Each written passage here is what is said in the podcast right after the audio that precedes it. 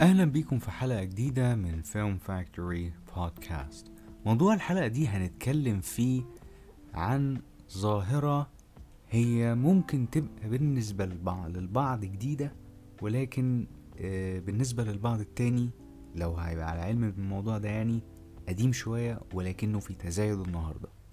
أنا بقى بتكلم في إيه؟ أنا بقى بتكلم بالنسبة المرة دي لحبايبنا الممثلين. الناس اللي نفسها تشق طريقها.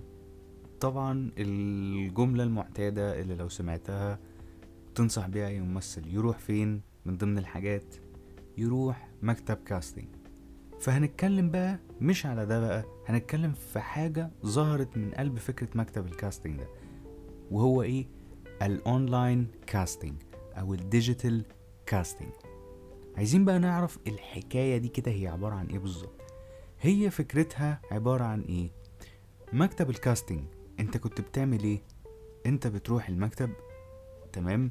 بتعمل ال audition بتاعك بتتصور فيديو بتقول لهم على اسمك وسنك وطولك ووزنك ورقم التليفون وبتديهم كده حركة يمين حركة شمال ال profile وممكن مثلا منهم يطلب منك تعمل reaction ات معينة اللي هو انت فرحان بتبقى عامل إزاي وانت زعلان وانت زعلان وانت زعلان بتبقى عامل إزاي.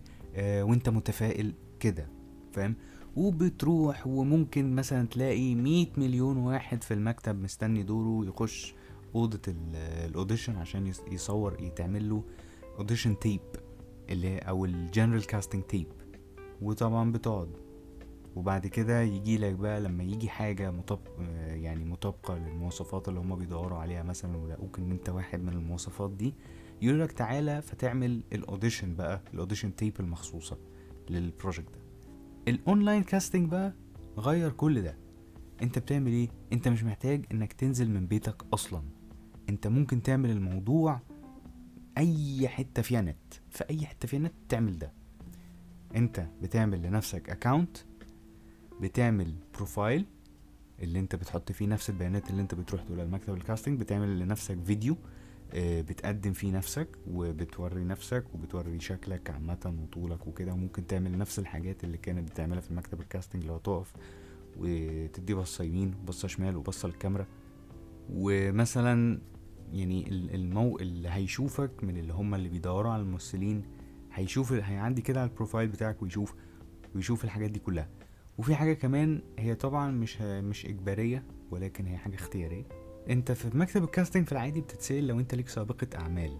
يعني طلعت في إعلان طلعت في مسلسل طلعت في فيلم طلعت في video clip أو فيلم تسجيلي. لو الفيلم التسجيلي ده بيبقى فيه مشاهد تمثيل. فانت في موقع ال casting بيقولك إيه لو انت عندك ارفع showreel في الموقع. ده شكل أو فكرة المواقع دي بتكون عاملة كده.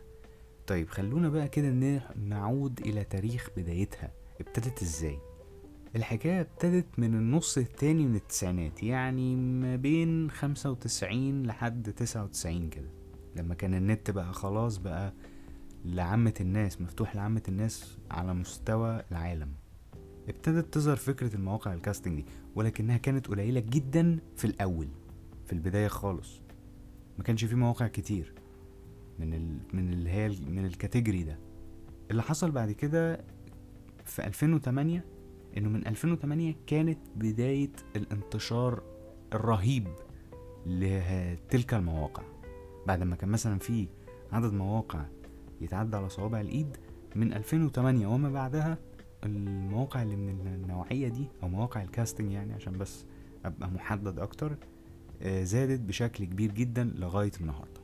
طيب إيه حكاية بقى 2008 حصل فيها إيه بالظبط؟ أنا بقى هقولك في أمريكا في هيئة اسمها SAG SAG ده اختصار ل Screen Actors Guild اللي هي نقابة المهن التمثيلية أو نقابة الممثلين بأمريكا.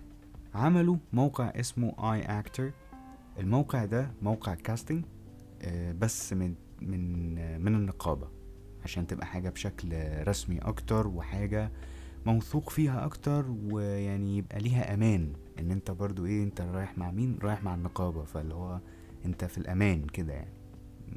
يعني ما يضحكش عليك. من بعدها زادت مواقع الكاستنج وبقى في كتير جدا جدا جدا بعدد كبير لا حصر له. لكن مع ذلك مالغاش دور مكتب ال casting لغاية النهارده. سواء بالنسبة لأمريكا أو بالنسبة لأوروبا أو لأي بلد تانية نسبة استخدام مواقع ال casting دي بالنسبة للموهوبين وبالنسبة للي بيدوروا على الموهوبين كتير. فبالتالي هو مغيرش حاجة هو بس سهل الدنيا أكتر شوية. المواقع دي في منها المدفوعة اللي هو أنت بتدفع اشتراك عشان خاطر تعملك account وفي المدفوع من النوع التاني اللي هو لما مثلا إيه تعمل اكاونت مجانا. بس لما تشوف الإعلانات آه، اللي بيدوروا فيها على الممثلين ولقيت المواصفات اللي تناسبك وعايز تشارك يقول لك إيه؟ ادفع رسوم رسوم تسجيل أو رسوم اشتراك. ويعني مع ذلك أنت ممكن تترفض أصلا في الآخر. فاهم؟ بس يقول لك إيه؟ ادفع. وفي النوع التاني اللي هو بيكون مجانا مية في المية. أنت داخل بتقدم في حاجة وخلاص مش هتدفع عليها أي حاجة يعني عادي. هتقبل تتقبل تترفض تترفض دي حاجة بقى يعني بترجع لل... للي هما بلاش نقول عليهم employers اللي هما يعني.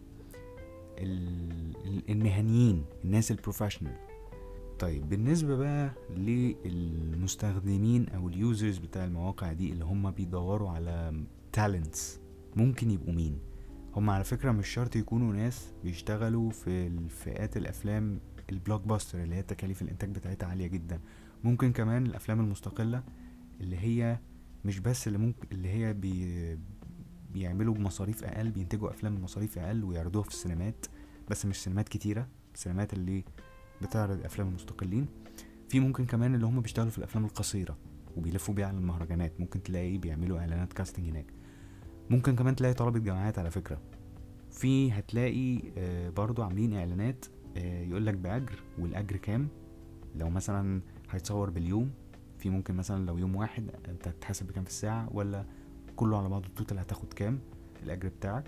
ممكن يبقى أجر كويس ممكن يبقى أجر مخفض أو رمزي أو أجر رمزي يعني. وفي ممكن اللي يقولك تطوعي بدون أجر. وفي الأغلب بيكون يا منظمة منظمة غير ربحية أو طلبة طلبة جامعات بيستخدموا ده وبيستخدموا ده. طبيعة الإعلانات بقى وده بقى السؤال اللي ممكن أتسأله. طبيعة الإعلانات في الحاجات دي بتكون إيه؟ هي ما بتكونش أفلام بس. في ممكن بيطلب هو طبعا ممكن يطلب أفلام سواء روائية طويلة أو قصيرة. آه ممكن يطلب ممثل يبقى مش لازم كمان يبقى بطل ممكن يبقى دور من الأدوار الرئيسية اللي هو دور تاني ودور تالت مثلا. ممكن يبقى عايز مجاميع لفيلم أو لمسلسل أو عايز وجه جديد يقدمه للسينما أو يقدمه للتلفزيون. ممكن يبقى عايز موديل آه لفيديو كليب. ممكن يبقى عايز موديل جلسة تصوير تبع مثلا brand لبس أو أكل أو ايا كان يعني المادة الاعلان المواد الإعلانية عامة. في ممكن يبقوا عايزين للحملات حملات التبرعات وكده والحاجات الخيرية. في برضو ممكن يبقوا عايزين كمان voice over voice over artist كده آه، أو شخص عامة عنده ال talent في ال voice over بشكل عام. عايزينه في إعلان ما. أو عايزينه في فيلم يعمل دور narrator أو في فيلم تسجيلي يبقى ال narrator بتاع الفيلم. دي طبيعة الإعلانات ده بحسب ال search اللي أنا عملته في المواقع دي. طيب أنت هتسأل سؤال تاني دلوقتي هتقول لي طب أنا يا عمي إيه ذنبي في الحوارات دي كلها؟ أنت عايز توصل لإيه؟ أنا بكلم الممثلين اللي بيروحوا مكاتب ال casting عشان بس يبقوا على علم بالتطور اللي بيحصل أو الدنيا بتتطور إزاي. والناس اللي هي بتشتغل في مكاتب ال casting نفسها وأصحاب مكاتب الكاستنج لو في حد بيسمعني منهم. والناس اللي في مجال السينما technology عامة اللي بتمزج ما بين السينما والتكنولوجيا وفي مساهمة تطوير آليات العمل آه، عشان تبقى أسهل وتبقى أسرع وتكون أفضل. طيب سؤال كمان. هل في فكرة زي دي في مصر مثلا عشان خاطر تتكلم في الموضوع ده؟ عشان نفهم آه موجود. في application ظهر في وقت ما بين 2019 و 2020 ال application ده فيه كل حاجة أنا حكيتها بالظبط. أنت لو مثلا ممثل وبتدور على فرصة إنك أنت تشتغل في أي حاجة ليها علاقة بالتمثيل موجود. بتعمل profile بتعمل لنفسك بيانات وبتعمل لنفسك CV كامل في قلب ال application ده. وفي طبعا بالنسبة للمهنيين يعملوا accounts في ال application ده عشان خاطر إن هم يشوفوا الناس الموهوبة. أما بقى بالنسبة لتفاصيل أكتر عن ال application ده حدود اللي أنا أعرفه بالظبط يعني. أنا ما أقدر ما أعرفش أكتر من كده بصراحة يعني. بس طبعا يعني اللي عارف اسم ال application وعارف مين أنا قصدي على مين ممكن هو يشوف يطلع عليه ويشوفه يعني عامة. بس كده. وبكده نكون وصلنا لنهاية حلقتنا من Film Factory بودكاست. تقدروا طبعا تتابعوني في صفحاتي على فيسبوك وعلى انستجرام وعلى تيك توك وعلى يوتيوب. أحمد مصطفى.